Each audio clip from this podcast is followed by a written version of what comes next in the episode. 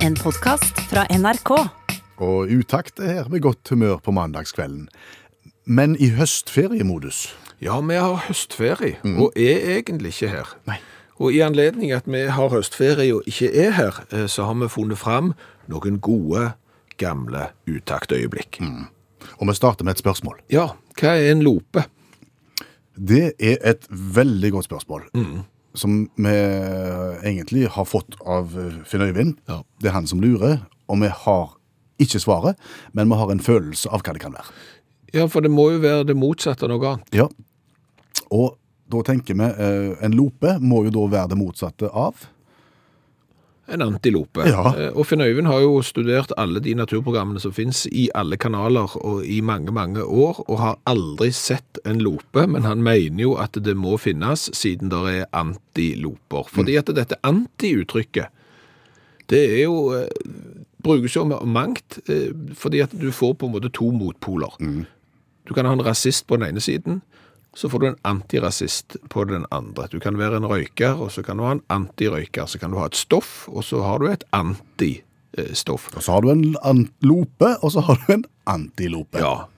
Så, så vi har jo et visst inntrykk av hva lopen burde være som dyr, men vi har heller aldri eh, sett den. Men det vi har et fullstendig kontroll på, det er jo kviteten. Ja. Kviteten er eh, nye. Ja, ja.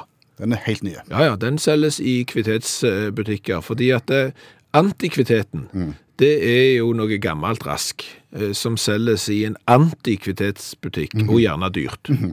Litt det samme som kvariaten. Ja, Kvariaten eh, selger nye bøker. Kvariat er et synonym for bokhandel. Mm. Mens antikvariatet, der har du da de, de brukte litt uh, utgåtte. Ja. Ja.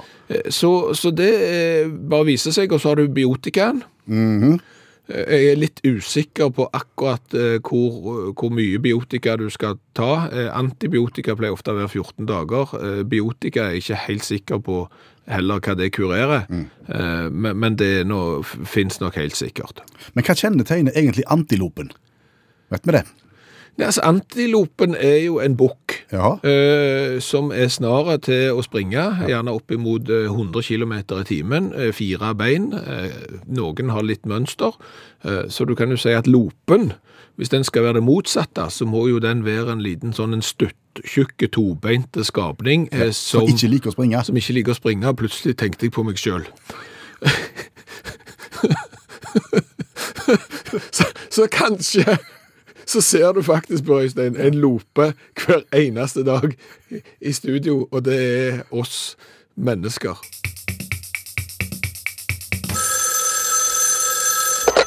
Hallo, ja? Hallais, Klingsheim! Hei, Stavanger-smurfen. Stavanger-kameratene, go, go, go! Jeg skal trege deg igjen. Jeg tror Viking har berga plassen i Eliteserien allerede. Ja. Hører du at jeg er oppglødd? Hører du at du høres glad ut, ja? Ja, ja, ja, det er fordi jeg har funnet Jesus. Du har funnet Jesus. Nei, jeg har egentlig ikke funnet Jesus. Jesus har funnet meg. Ok. Har du møtt Jesus, Klingsheim? Har du tatt imot Jesus, Klingsheim? uh. Jeg heter Kvinnesland, Ja, Samme kan det være. og jeg, jeg, jeg har min barnetro. Ja, Det er jo ikke det jeg snakker om. Jeg spør om du har møtt Jesus. Nei, jeg har ikke det, men det har altså du gjort. Jeg møtte Jesus, ja, i forgårs. Ja. Hvor da? I Kværnervika. I en bydel i Stavanger? Jesus ringte på. Og hva sa han? Han sa 'Ola', sa han. Snakket Jesus spansk? Ja, ja, ja. Han er fra Benidorm. Ok. Jesus Reyes Palmero, født i 1994 i Benidorm. Bor hjemme hos mor si. Ennå. Men på ferie i Stavanger? Ikke på ferie. Nei. Han er på jakt etter faren sin. Å ja. Ja. Og så derfor så ringer han på hos deg, fordi at det er jo for så vidt du også. Det går jo rykter i Kværnervik om at eh, jeg har greia på den slags sånn leiding etter ukjent far. Ja. Far til Jesus Ja.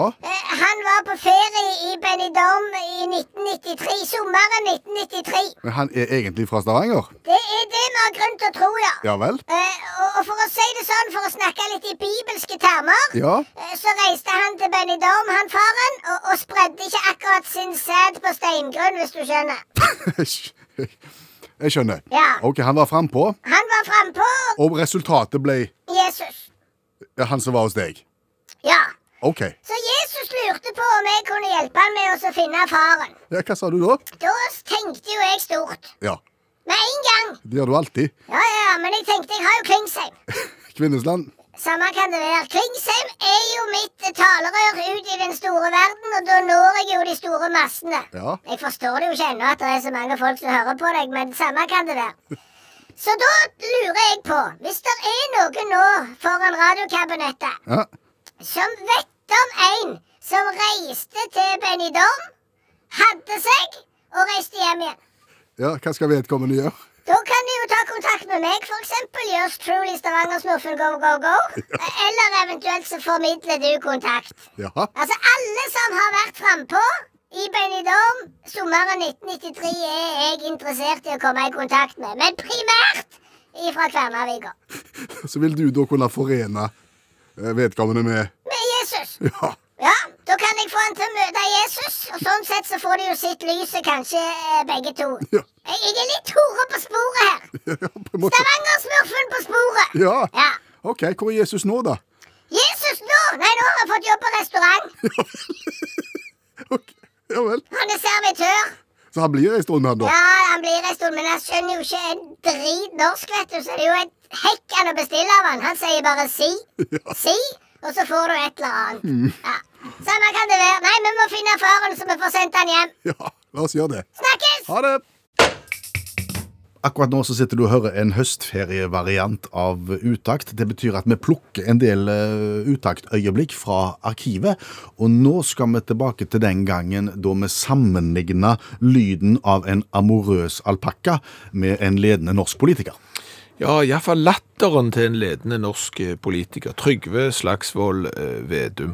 Og når vi hadde sammenligna latteren hans med denne amorøse alpakkaen, så var det noen som tok kontakt med oss og sa at det var jo ikke spesielt fint gjort. Nei, men vi syns det ligna litt. Ja, men så tenkte vi jo igjen, vi har jo ikke lyst til å, å, å være stygge med folk. Så hvis dette ble tatt ille opp, så, så var ikke det meningen. Og dermed så måtte vi ta kontakt med Trygve Slagsvold Vedum og høre hvordan han reagerte på at latteren hans ble sammenligna med en amorøs alpakka. Da, kan vi bare, da kan vi bare begynne, vet du. Ja. Begynne. Det er greit, det.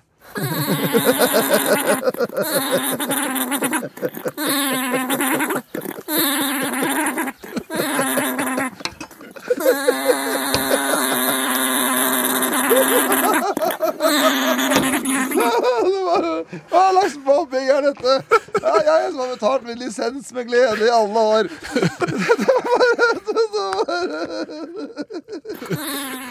Det er altså lyden av en alpakka. Det var jo som søren. Ja, ja. Så da har jeg blitt, jeg har blitt kalt for mye rart det siste året.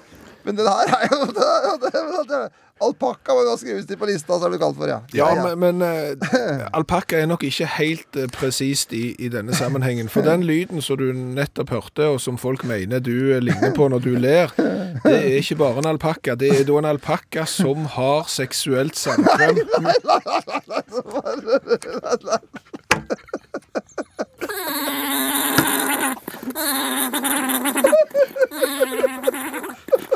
å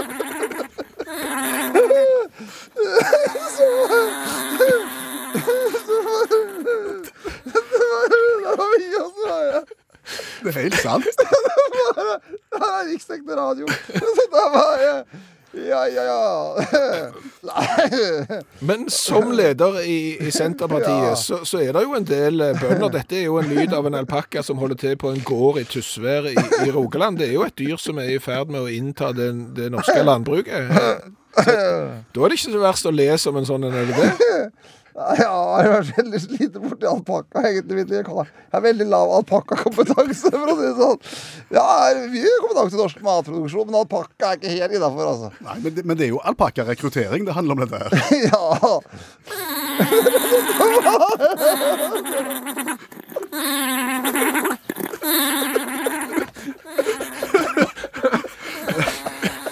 Men Ja, Nå må jeg gi meg. Hvor, hvor viktig er det å stille opp for media i alle saker? Nei, det kan du lure på, egentlig. Det der var et uforbedret på, egentlig. Men det er gøy å ha det gøy.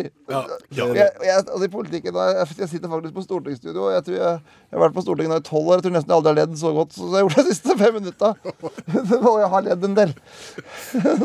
Så flott. Men eh, kjære lytter, se i nåde til meg syndige menneske. Altså, for det er bare uskyldig latter.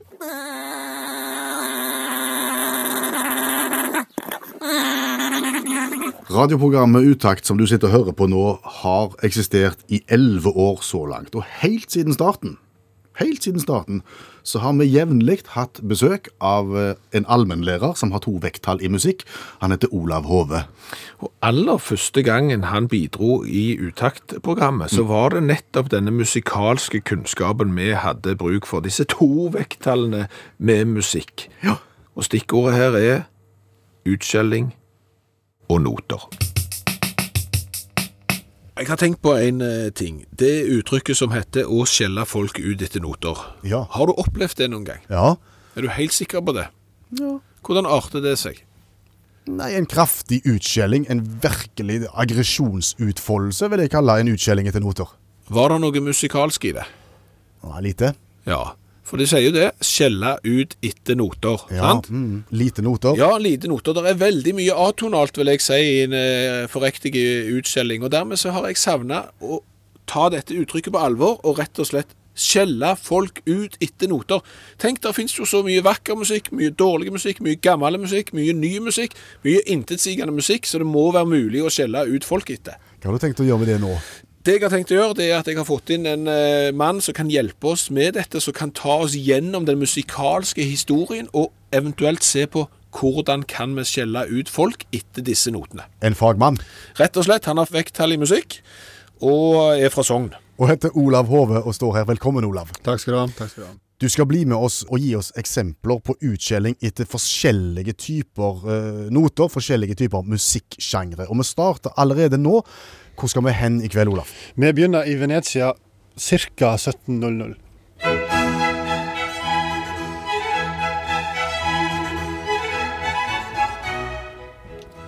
Vi skal til Antonio Vivaldi og de fire årstidene og våren. Ja. Eller Il Preter også, som vi som er musikkskolerte kaller han. Altså den røde presten. Eh, Han var altså prest og fiolinist og komponist. Og, eh, og eh, det at han var rødhåra, da, det var jo en kime til utskjelling. Og det har det vært i alle generasjoner. At han hadde rødt hår. Ja, og spesielt kanskje i Italia, der det er tynt bosatt av, av rødhåra. Rimelig mørke i håret alle sammen. da. Så, så det sleit nok han med, vil jeg tro. Og i tillegg da, så, så, så var han kontroversiell, og så sleit han litt med brystsvie, ifølge eget utsagn. Men hva er brystsvie? Ja, det er litt seint å stille diagnose nå, men uh, vi må jo anta at det er noe astma som han hadde. Men det som var problemet, var ikke brystsvien. Problemet var at han brukte det i alle mulige sammenhenger for å slippe unna ting. Som f.eks. prestestillingen. Den kunne han ikke opprettholde uh, fordi han hadde brystsvie. Men kontroversiell, sier du. På hvilken måte? Ja, nei, En del av det skylda på mye ting, vet du. Og så var han jo, eh, var han jo jobba han i tillegg til den kirka som han jobber med, så jobba han ved et tilhørende barnehjem for jenter. da. Og der skrev han eh, musikken sin, og jentene der fremførte det. Og han var i strid, konstant strid med styret for dette barnehjemmet da, og kyrkja. Eh, og de likte han ikke. Nei. Nei. Tror du de skjelte han ut og sa han opp? Det gjorde de nok, altså. Det gjorde de nok. Og, eh, og da kan det godt være at de skjelte han ut etter hans egne noter. For å gni det skikkelig inn? For å gni det skikkelig inn. Det er den verste form for utskjelling etter noter. Ja. Så her har vi altså en rødhåra prest, omstridt sådan, eh, med brystsvie, som skal bli skjelt ut etter egne noter, eget partitur, av de som har sagt han opp. Det kan bli sterkt. Nå må du komme deg ut, din røde pipende stut. Vi vil ha en annen lut inn her, du tror du er så fin. Du stinker terpentin, ta din hatt og far til Wien.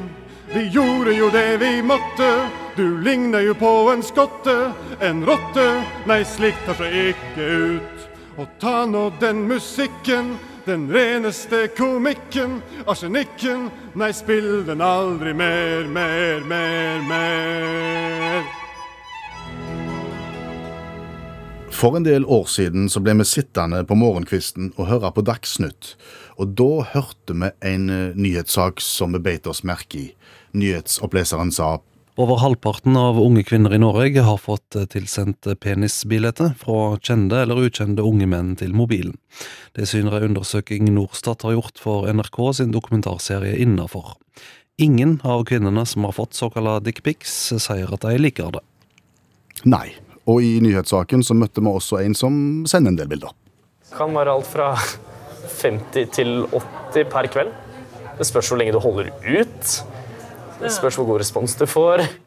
50-80 per kveld eh, bilder av sitt eget organ, sendt av gårde til kjente og ukjente. Men ikke alltid han får det responsen han vil, sier han. Nei, Nei.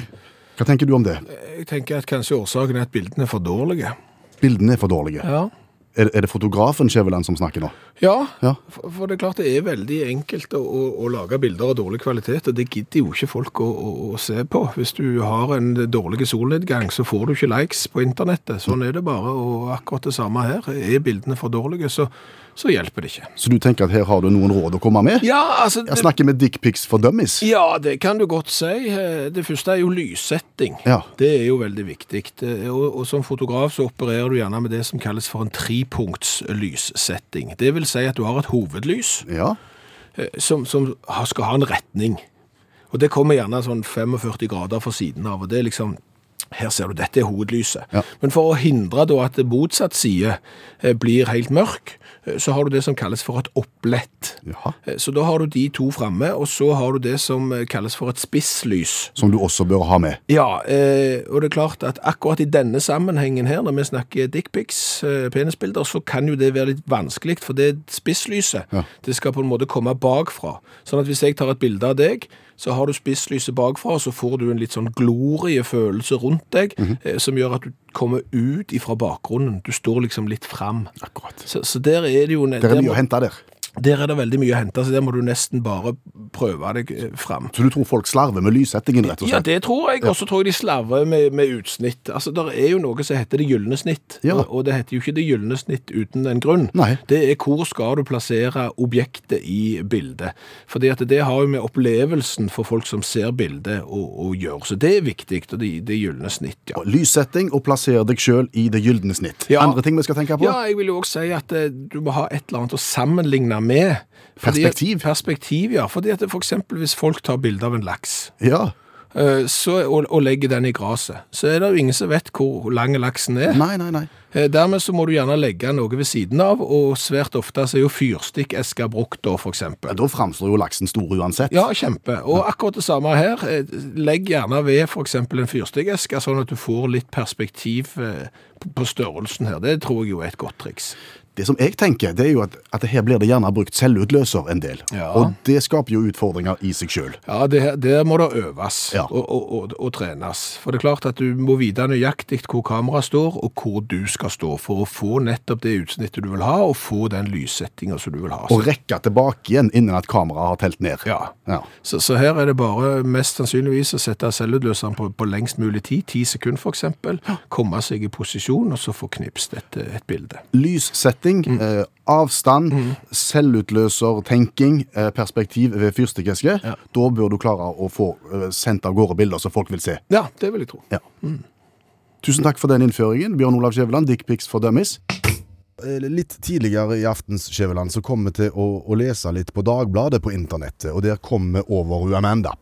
Ja, hun Amanda hun, hun er ei dame som er opptatt av å hjelpe de som, som trenger hjelp, og er villig til å gå et stykke for, for å hjelpe de som trenger det. Ja, har funnet sin litt utradisjonelle måte å samle inn penger til eh, ofrene etter orkanen Sandy. Det hun har gjort i samarbeid med sin organisasjon, hun har rett og slett satt seg ned eh, med en vibrator. Og mens vibratoren vibrerer, så leser hun Amanda høyt fra Shakespeare. Og det går greit en stund, og så går det ikke fullt så greit etter en stund. Ja, Men, men veldig, veldig, veldig mange har vært inne og klikka på denne her, og da er da tanken at du kan donere penger eh, når du er inne og ser på videoen av Amanda. Ja, og, og, og vi tenkte vel òg at dette høres jo i utgangspunktet ut som en alle tiders idé å kunne generere penger med å sitte på en vibrator. Ja, men vi tenkte, går det an å gjøre noe med den vibratoren? Går det an å generere enda mer penger? Ja, for det er klart at eh, liten vibrator, eh, lite penger. Stor vibrator, mye penger. Vi har skaffet oss stor vibrator. Vi har, vært i en, vi har vel ikke vært i en butikk, har vi? Nei, vi har vært ute hos Gjesdal kommune, og Gjesdal kommune klarte klokka åtte i kveld og på kort varsel stille en stor vibrator eh, til rådighet, sånn at vi kunne se om dette var en måte å samle inn penger på. Ja, Tanken er nå at du skal sette deg på den store vibratoren og framføre, framføre lyrikk. Ja, eh, da tenkte jeg å gå løs på Terje Vigen. Ja, og hvis du skal beskrive vibratoren for oss Ja, altså Vibratoren det er en sånn stor vibrator som du bruker når du legger belegningsstein. Det veier sikkert en 100-150 kilo, har en, eh, en Honda-motor på en del hestekrefter og, og sviver bra på diesel. og vibrerer voldsomt. Ja, Spesielt hvis du får fres på den og gitt litt gass, så tror jeg den skal vibrere skikkelig. Vi har ikke prøvd, så vi vet jo ikke. La oss gå i gang. Ja, da er vi klar til å finne ut om eh, Terje Vigen på vibrator er bra. Jeg tar på on, så setter jeg på litt choke og drar i snora. Og den starter jo med en gang. Så setter jeg meg oppå, sånn, sitter jeg godt, og så setter jeg den i start fremover. Skal vi se, det? Nei, nå døde han. Ja. Skal vi se, det blir ikke mye penger av det. Sånn. Der. Nå. Og så setter man i gang igjen, ja. Og vi begynner å Skal vi se Der. Det bodde en underlig gråsprengt en. Ytterst på Den Oi. Au. Han, han gjorde visst ikke et menneske med med Oi. Au. På land eller sjø. Oi. Det, å, det er jo stunder klistret. Åh.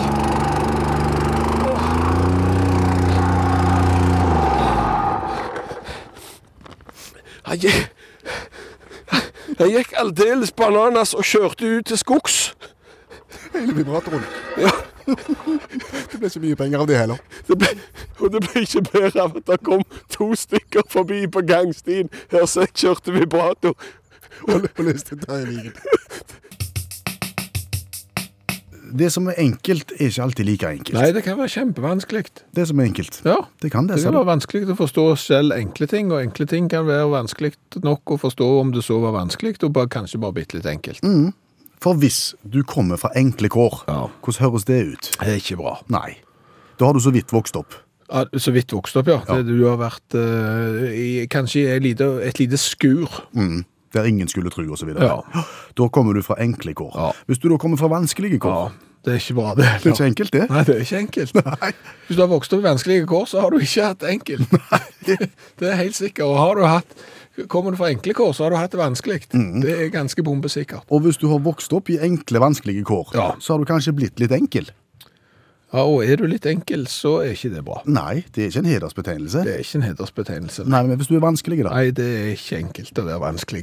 Nei, det er ikke bra det Nei, det er ikke det. Nei, dette er ikke enkelt. Dette er kjempevanskelig. Ja, det er det. Og, og, og du kan jo tenke deg at hvis du er enkel, Mhm. så kan du samtidig være vanskelig. Ja, for hvis du har da vokst opp under enkle, vanskelige kår, Ja, så har du kanskje ikke fått med deg all den håndbagasjen som du burde gjort, som burde hatt, og dermed så blir du litt vanskelig fordi du er enkel. Ja, det er litt som om du har kniver, men ikke skuff, Mm, hvis du skjønner. Du har sixpack, men den er tom. mm. Kan du drive enkeltmannsforetak da? Nei, det er vanskelig. Vi plukker noen godbiter fra Utakt-arkivet, siden vi har høstferie akkurat nå. Og for en del år siden så fikk vi inn en melding til programmet, og den hørtes sånn ut.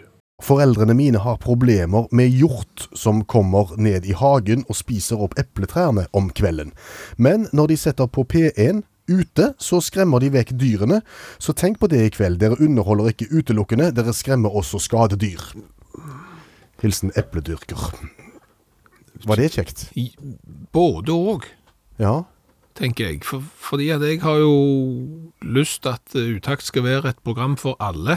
For folk og for Fjort. Ja. Altså, jeg, jeg tenker at det er jo kjekt at ikke buskene blir ødelagt, for Ja, all del, men, ja, men det er jo litt eh, dumt at du skal virke avskrekkende, da. Ja, kunne det ikke vært et annet program som skremte vekk hjorten? Jeg syns at i alle de andre programmene på P1 kunne ha skremt hjort, og så kunne Utakt vært et sånn hjortevennlig program. Ja, ja, ja. Og det hadde vært ganske fort gjort.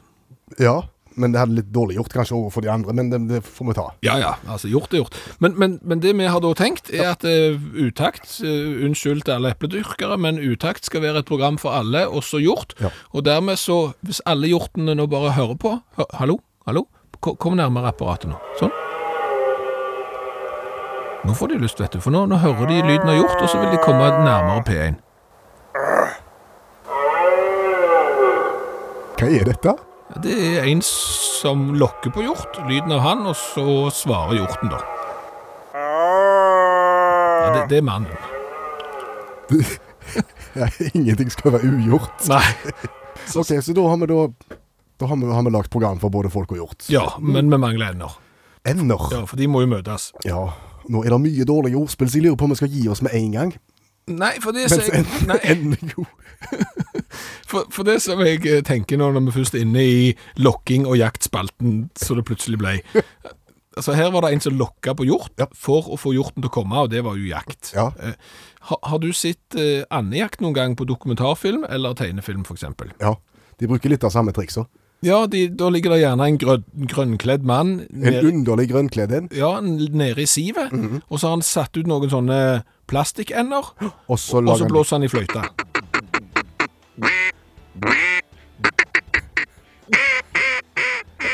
Kom med. Det er da en som prøver å få endene til å møtes, på en måte, og, og skal da jakte på ender. Ja. Fordi at det, men, men da lurer jo jeg på Har de aldri hørt om loff? Loff. Har du gått i en park noen gang og hatt med deg brød og heve? Er det vanskelig å få endene til å komme? Og nå skal vi begynne med også, ja, hva skal vi si, hvor mange timer skal vi gå fremover i tid? Jeg tror ca. 17 timer fra nå, sånn 4-5-tida i morgen. Da, da er det jo middagstid. sant? Familien setter seg rundt bordet, eh, setter på bordet fersk trukket torsk sant? Med, med eggesmør til, og, og ferske gulrøtter, og litt dampa brokkoli og, og, og, blomkål. Og far han forsyner seg rikeslikt, og mor hun liker det kjempegodt. Storesøster og eh, fulle tallerken. Eh, Lillebror Liker ikke brokkoli. Nei, da tar du bare litt ekstra blomkål, heller. Liker ikke blomkål. Klart det, alle liker blomkål. Nei. Da forsyner du deg i hvert fall med torsk og gulrøtter. Liker ikke fisk. Jo, du har bare Ikke ikke... ha fisk. Jo, for det er godt når du Nei. bare... Nugatti. Mange forhåpentligvis som kanskje kjenner seg igjen her, eh, som har eh, unger i barnehagen, som jo ikke liker noe. Harald Herland har gjort oss oppmerksom eh, på dette, og Harald har jo helt rett, for unger fremstår som kresne, men de er jo ikke det. De er ikke kresne. Nei, de finnes jo ikke kresne. De vil jo ikke ha noen ting. Nei, de vil jo ikke ha noen ting, men de, de er jo ikke kresne for det. Fordi Nei, for det må du tenke deg, disse ungene da, sant? Som, som sitter med bordet og sier liker ikke. Ja, liker ikke Nei. Du var god på det. Så sannsynligvis Har lang erfaring. Ja, du har det. Sånn? De har jo blitt henta i barnehagen. Ja. Og på vei hjem fra barnehagen, så kanskje det første de har gjort idet de har gått ut porten av barnehagen, det er å plukke opp en gammel tyggis som ligger på bakken som noen har trødd på, der det er sand fra tidenes morgen inni og sånn, og det knaser i, i de tennene de har fått. Ja, den er god. Den er kjempegod. Den er god, ja. sant? Plukker gjerne opp noe annet graps, drikker fra en søleputt eller et eller annet sånn eh, på veien, og i tillegg så har du gjerne sittet i sandkassen i barnehagen, spist litt sand og jord og moll. De tøffeste i barnehagen har spist en meitemark. Du har drukket fra takrenna av sånn lysegult vann. Når det er vinter, så har du spist snø, gjør ingenting om den er gul. Like gode eh, for det. Slikker på istapp. Spiser all verdens slags eh, gras og ugras, og alt stapper de i, i trynet. Blomster som er giftige. Du kan få unger til å drikke vindusspylervæske og avfettingsmiddel, og det er ikke måte på. Liker ikke brokkoli. Liker ikke brokkoli. Nei. Det er spesielt, Hva er det som feiler de? kan du si. Altså, Hva mekanisme er dette her, unger? Nå hører dere gjerne ikke på P1, så gamle er dere ikke blitt, men, men, men foreldrene deres øh, gjør det kanskje. Og, og de er jo i, i stand til, til å skille unger, men, men allikevel så, så skal de ikke spise dette. Så her må det jo en øh, hold, holdningskampanje til. Ja. kunne en servert et måltid av eh, gras, dandert på en seng av moll, eh, med litt tyggegummi til forrett, og en liten skvett med gule snø til dessert. Ja, ja. altså, Det tror jeg kunne vært en idé for å få få ungene til å spise de tingene vi vil at de skal spise. Hvis du vi serverer det som vi skal ha til middag, det er den retten vi lager, den setter vi der. Og bare for å vise, liksom bare for å eksemplifisere for de små barnehageungene, som sier, liker ikke, du må si det du. du Jeg liker ikke. Ja. så, så gjør vi som du sier, vi lager en alternativ tallerken, og, og så sier du, du får spise en av de. For den ene har du spist i barnehagen, i hvert fall opp til flere ganger der jeg sitter, og så, så kan du se. Og da skal du ikke se vekk ifra at plutselig så begynner unger Nei, de gjør ikke det. Nei, De kommer til å ta den med tyggen, vet du, og mål og makt. De er ikke riktige. Nei. Iallfall ikke når de får ketsjup. Det var veldig rart at telefonen ringer på denne dagen. Vi får prøve. Hallo? Er det Stavanger-smurfen? Stavanger? Nei. Nei, det, det er Salve Snartemo som eh, ringer fra reklamebyrået TikTok. Det var, sa du, Salve Snartemo fra reklamebyrået TikTok som ringer. inntil radioprogrammet Utakt. God dag. Ja, jeg kom til radioprogrammet Utakt, ja. Ja? Ja. Jeg lurte på om du i radioprogrammet Utakt kunne være interessert i en TikTok-reklame. En TikTak-reklame. Ja. Hva er en TikTok-reklame? Eh, Vi i eh, TikTok-reklamebyrået har spesialisert oss på TikTok-reklamer. Det vil si at vi finner bransjer som slutter på tikk, og så hiver vi på en takk. Akkurat. Vi har jo stått bak kjente reklamer som Ikke noe snikksnakk, mer her med TikTok, Jaha. for eksempel. Ikke noe snikksnakk, se klart med opp TikTok. Ja. Vi har masse sånne TikTok-reklamer og lurte på om dere i Utakt kunne være interessert i å bytte navn til Utik istedenfor Utakt. Det tror jeg ikke er aktuelt. Passer veldig godt. Ikke noe snikksnakk, mer utikk-takk. Ja, Jeg skjønner det fra ditt perspektiv, men eh, det, det blir ikke aktuelt. Og nå må jeg nesten gå videre i, programmet her, tenker jeg. Ja, men TikTok-reklame er veldig, veldig populært. Jeg har vært innom veldig mange bransjer med TikTok-reklame, og det er det vi driver på med. Utelukkende TikTok-reklame 100 Jeg, skjønner det. og, og jeg har jo eksempel hatt en veldig suksess med, med Telenor-kampanjen min. Jaha. Ikke noe snikksnakk, mer telematikk-takk. Telematikk? Ja, det er noen år siden, det skjønner du kanskje. Eh, ellers har jeg jobbet en del med, med eh, antikkbransjen, ja. Ikke noe snikksnakk, mer antikk-takk. Ja. Frister ikke. ja. Eh, ikke i utgangspunktet. Men, men du, eh, du, du begynner alltid med ikke noe snikksnakk. Ja. Det, det, det fungerer godt, syns du. Jeg, jeg, jeg syns det fungerer godt, og, og eh, det, den tilbakemeldingen jeg har fått fra kundene mine, er at eh, jo, tusen takk, funker 100% med, med ikke noe snikksnakk først, Ja. og så en tikk-takk til slutt. For eksempel så har jeg jo gjort en stor kampanje for Human-Etisk Forbund. Ja vel. Ja, ikke noe snikksnakk.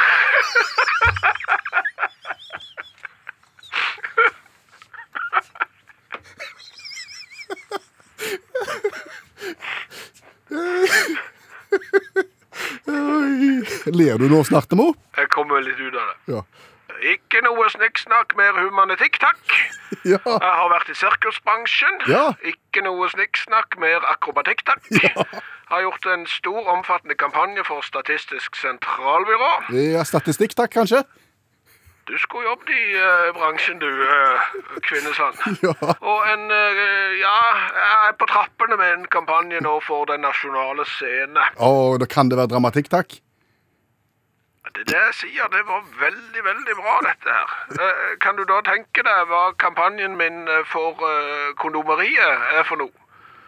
Ikke noe snikksnakk, mer eh, Erotikk, takk. Ja, det var han, ja. ja Ja, som jeg følger opp med ikke noe snikksnakk, mer romantikk, takk. Ja. Så det er en totrinnsrakett, hvis du skjønner. Av en kampanje. Ja. ja. Men ikke interessert. Nei, tror ikke det. Men det var kjekt du ringte. Skulle du være interessert i en TikTok-reklame, eller kjenner noen som er inne i en, eh, en bedrift som slutter på TIK, Ja. så, så tar du kontakt med Salve Snart og Mo Ja. fra TikTok-reklamebyrå. Ja. Ja. Fine. Og husk det, eh, ikke noe kritikk, takk. Nei, jeg lover. Greit. Ha det. Du, alle som har hørt Utakt uh, en del år, vet at redaksjonens eldste medlem, er bestemor di, Ja. på 105 og et halvt år. Ja.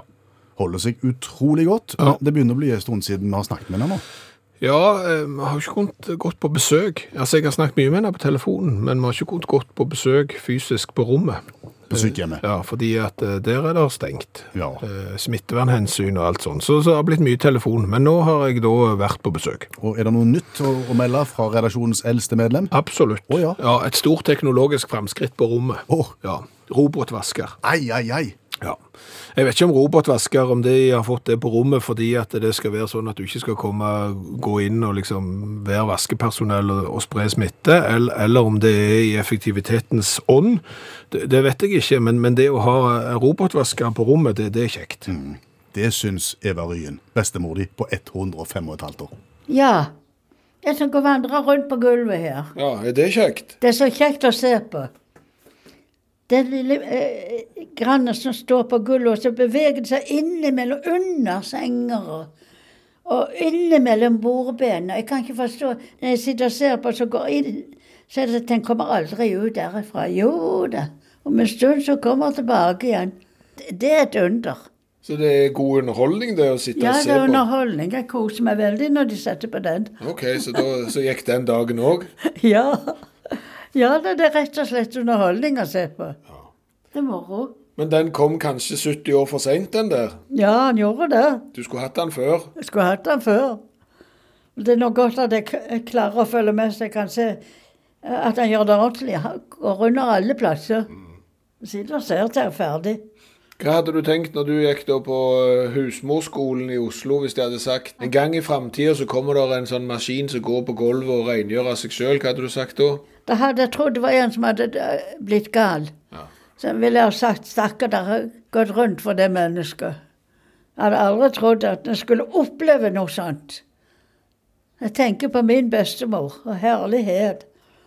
Nei, det, det Jeg har opplevd veldig mye, vet du. Utviklingen.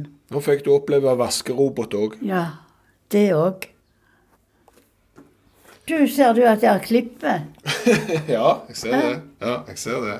Det var fint. Det er ikke fint? Jo. Det koster 1200 kroner. 1200 kroner for å få stelt håret. Ja, ja. Det. Jeg syns det er mye. Hva kosta det når du var liten, da? Nei, vi betalte ikke stort for å klippe det. Det var vel ikke mer enn et par kroner, iallfall. Jeg husker iallfall første gang jeg betalte fem kroner sted, og da syntes jeg det var skrekkelig dyrt. Måtte spare for å gå til å klippe håret. Dette er Utakt i NRK P1, og i dag har vi lest om et eh, restaurantkonsept i Sverige som kanskje er på vei til Norge. Ja, det handler om å spise mat i en helt mørklagt eh, restaurant, og det skal visstnok gi en helt annen opplevelse. Du må bruke andre sanser, og eh, aspergesen smaker sikkert helt annerledes når du ikke ser at det er asperges. Hva vet jeg? Jeg har ikke vært der. Nei, aldri prøvd. Aldri prøvd. Nei. Skal ikke se vekk ifra at vår faste mandagshjelper, allmennlærer Olav Hove, har eh, forsøkt denne typen restaurant. Stemmer det, Hove? Det stemmer på en prikk. Jeg har prøvd det i Berlin. Unsichtsbar heter det. Hvis noe fiffig ordspill for, eh, for usynlig. Og ja, det tirra jo andre sanser, det er ikke tvil om det, men det var en par feller og jeg tror jeg gikk i samtlige. For, fortell hvordan du oppfører deg på en mørklagt restaurant. Nei, Først kommer du inn i en slags pub da, der du venter på bord. Eh, og Der kan du ta forfriskninger. Eh, og Jeg tok tre forfriskninger. Viste, så skulle vise seg senere på kvelden at det var tåpelig av meg. Ja, Etter en stund da, så, så kommer det en, en kelner og sier at jeg er kelneren din for kvelden. Nå skal de bli med meg inn på restauranten.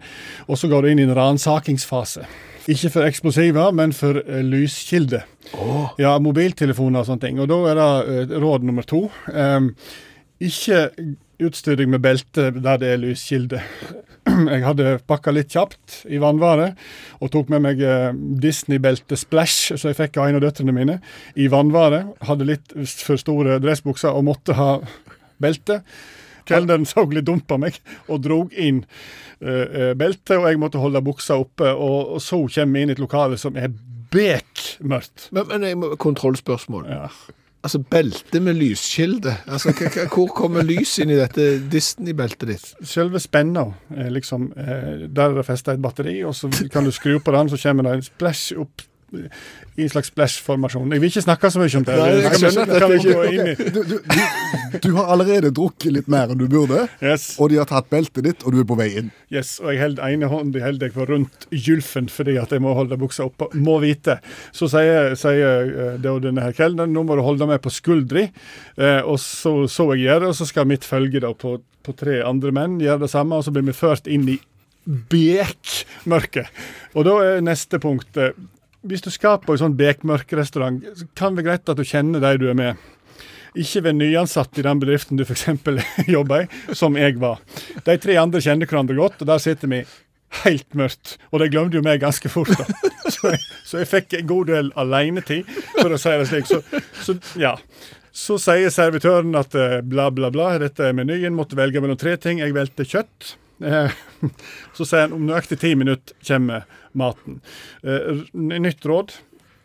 Hør på kelneren når han sier hvordan du skal ta opp ølglasset ditt. Han sa før hånda langs bordet og finn fram til ølglasset ikke ta ovenifra. Det er et godt råd. Jeg sølte øl på en bekmørk restaurant med folk jeg ikke kjenner så godt, og det hjalp jo ikke på stemningen. Så kommer, kommer maten, da. Eh, Fikk suppe først. Eh, Jeg aner ikke suppe det var, smakte liksom et eller annet. Og så sier jo kelneren at du skal få debrifing etterpå, du skal få vite hva de er etter for noe. Eh, alt suppe etter beste evne. Jeg, ble, jeg var lam fra livet opp, kan jeg love dere. Jeg ante ikke, hadde ikke kontroll på armer og bein, ingenting. Fikk så en slags gryterett etterpå, med en slags gelégreie oppi. Veit ikke det er heller, men, men da fikk jeg beskjed av kelneren pass på tallerkenen er varm. Og før desserten da, så skjedde jo det her problemet med forfriskningen på. Jeg måtte på do. Og da hadde jeg opparbeidet ganske sånn bra nattsyn, for setra sikkert en time. Sant? Så da så jeg liksom at her var det jo folk rundt meg og en eller andre. Men så måtte jeg på do, og da var det jo kjempelyst. Og da var det på'n igjen. måtte vente fem minutter utafor do, for da skulle komme en mann jeg kunne holde på skulderen. For jeg sa ingenting. Mens du holdt buksa oppe med den ene hånda. Yes, riktig. og så var det inn og få is til slutt, da. Og så var vi ferdige, og da var det neste punkt. Ikke gå med hvit skjorte når du skal på sånn blindrestaurant. Jeg så ut som jeg hadde slakta en elg. Det var helt sjokkerende. Jeg så ikke ut. Og jeg skal ut i det berlinske nattlivet. Ikke fikk jeg debrifing heller. Tullingen var mer opptatt av preposisjoner som styrer akkusativ, som jeg hadde med meg som jeg ikke kjente. Så blindrestaurant, bare gå på det, folkens. Jeg blir ikke med. Ah, drittplass. Fikk du, fikk du splash-beltet tilbake? Ja, da, de ville ikke beholde det av en eller annen grunn. Hvordan oppleves resten av kvelden da med, med ei gravskjeden skjorte, et selvlysende Disney-belte og, og en som har fått litt for mye innabords?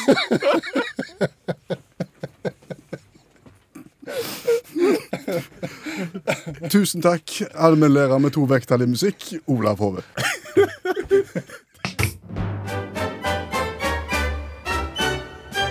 Wir spielen gezwungenes deutsches Karaoke. Kjendisspesial.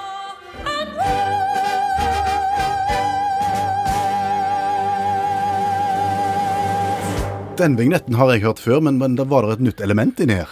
Ja, det var to nye ord. Kjendisspesial. Ja, Så nå blander vi tvungen tysk karaoke med kjendiser. Ja, for vi har jo utfordret hverandre den siste tida med å synge tyske sanger som vi aldri har hørt før. Du har kun fått uh, høre akkompagnementet, så får du tekst i hånd. Klar, ferdig, syng. Så enkelt er det. Nå inviterer vi inn folk i studio til den samme gapestokken som vi har vært igjennom.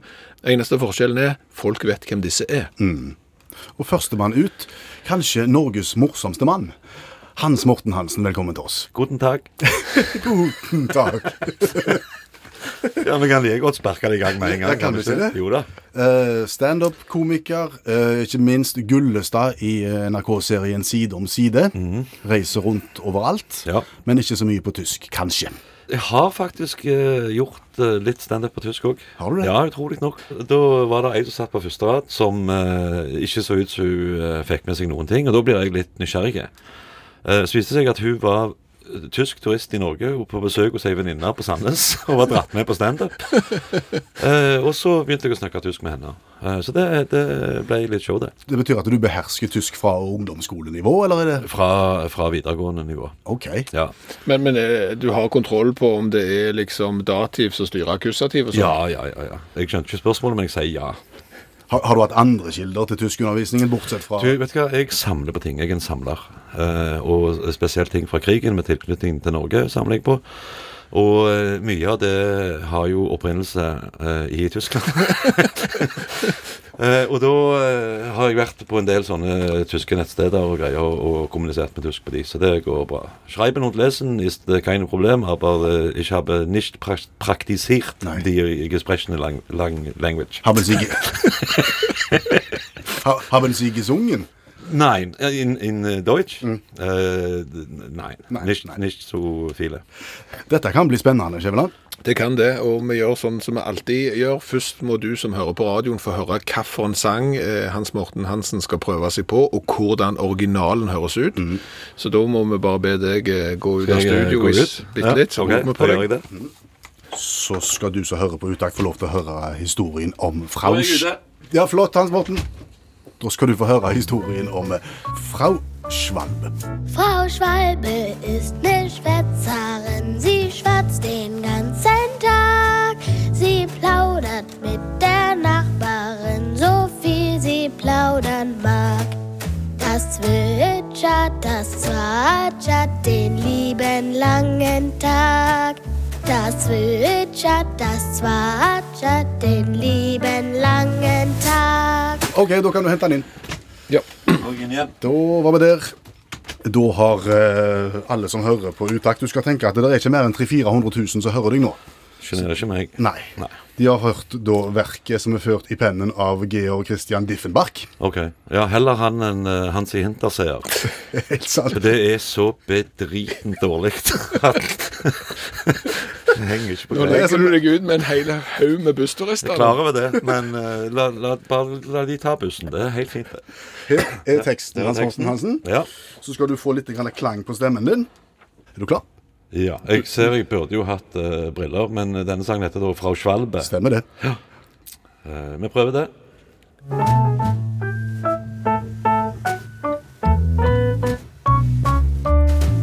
Frau Svalbe ist ne Schwätzerin, sie schwatzt den ganzen Tag. Sie plaudert mit der Nachbarin, solang sie plaudern mag. Das zwitschert, das swatschert den lieben langen Tag. Das schwitzert, das Schwatzert, den lieben langen Tag. Var ikke helt på trynet, det? Nei, det, var du, du er jo et stykke ifra, kan vi vel si. men, men det gode humøret Det gode humøret har jeg heldigvis beholdt. Ja. har, du, har du lyst til å høre originalen sånn som den skal synges? Gjerne det. Da kommer den, da. Frau Schwalbe ist ne Schwätzerin, sie schwatzt den ganzen Tag. Du var ikke verst her. Nei, jeg, dette var jo før stemmeskiftet slo inn. Ja, men så kommer refrenget. Der bommer du stygt. Das zwitschert, das zwatschert den lieben langen Tag. Ah, det var ikke så gale. Das zwitschert, das var jo inne på det. zwatschert den lieben langen Tag. Jeg syns det er mer enn godkjent. Ja, definitivt. Jeg, jeg ville gitt dette eh, meget pluss. Kan ikke du gjøre sånn som de gjør i TV-aksjonen, og oppfordre alle Jeg oppfordrer alle andre jeg kjenner, eh, som å bare ringe til Utakt og si jeg vil svært gjerne være med og synge tysk karaoke. For det, det er verdt det. Og kaffe får du kanskje. Har du lyst på kaffe? Nei takk. Det er for seint nå. Nå er jeg sur nå.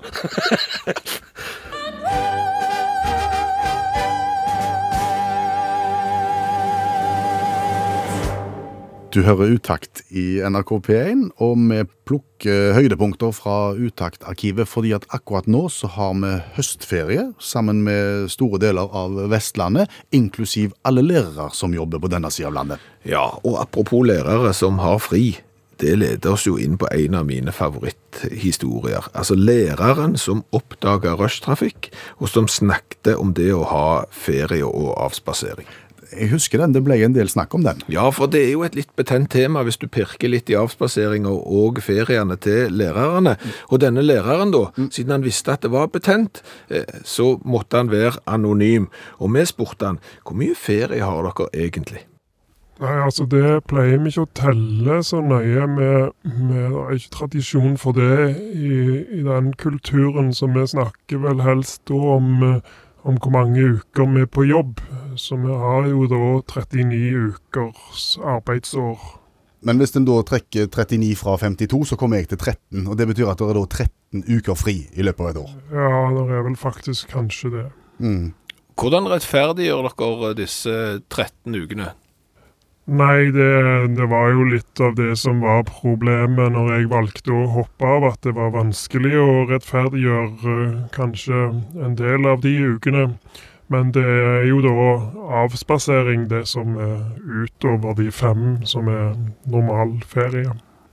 OK, eh, da tenker jeg at skal du da ta ut åtte uker avspasering, så må du da i løpet av det samme året ha jobba åtte uker overtid. Ja, det er jo 1685 arbeidstimer i et lærerårsverk som skal fordeles på de 39 ukene. Så det betyr at en lærer skal jobbe fra åtte til syv minutter over halv fem hver dag. For å rettferdiggjøre den avspaseringen. Ja. Er din erfaring at dette skjer? Nei, det er vel ehm, Det er vel ikke det. Alle som bor ved siden av en skole vet at det ikke er biler igjen på parkeringsplassen når klokken blir tre. Så i hvert fall så arbeider i så fall folk hjemme om ettermiddagen. Ja, og det er det vel mange som gjør. Det er mye rettarbeid, og det er mange fag som krever mange timer overtid, og, og en sitter gjerne hjemme og gjør det. Jo, det stemmer jo det. Men hvis du går hjem halv tre, sånn som de fleste lærere da kanskje gjør, så har du to timer og syv og et halvt minutts arbeid hver kveld som du skal gjøre. Og um, hvis du da har f.eks. familie, eller kanskje en hobby, kanskje du synger i kor, sånn som veldig mange lærere gjør, så havner du fort bakpå hvis du skulker unna de to timene en dag. Og da samler det seg opp en, et, en negativ avspasering, nesten. Ja, det var jo det som skjedde med meg. da. Jeg, eh, det begynte med at jeg vente meg til å gå hjem halv tre når de andre gikk hjem, og så plutselig var det en fotballkamp på TV eller noe sånt som gjorde at jeg, jeg havna bakpå to timer, og så hadde jeg fire timer dagen etterpå som jeg skulle ta igjen der, og så balla det på seg, og det ble til slutt et samvittighetshelvete av det. Så jeg talte faktisk timene mine nokså nøyaktig et år, og da følte jeg jeg jobbet ganske mye, men når skoleåret var slutt, så skyldte jeg arbeidsgiver mer enn 100 timer. Eh, og det er klart at det gnager jo på samvittigheten når det gjentas år etter år i, i 15 år, da, sånn som det gjorde for mitt vedkommende, så er det jo godt over 1500 timer jeg da skylder samfunnet. Hvordan har du opplevd å, å gå hjem fra jobb eh, i halv fire-tida f.eks., i stedet for i halv tre-tida? Ja, nei, det har jo hendt en sjelden gang at man blir sittende over. Så det hender jo det, altså. Men, og jeg husker en gang så, så ringte jeg til lokalradioen og sa at det må ha vært en trafikkulykke eller noe sånt her på motorveien, fordi at det står jo bom fast i kø. Og så, og så viste det seg at jeg kjørte jo bare hjem når alle andre pleide å gjøre det. Oi, så det var vanlig ettermiddagsrush, da. Så det var jo litt flaut. Du gjorde ikke det flere ganger? Nei. Du har hørt en podkast fra NRK. Hør flere podkaster og din NRK-kanal i appen NRK Radio.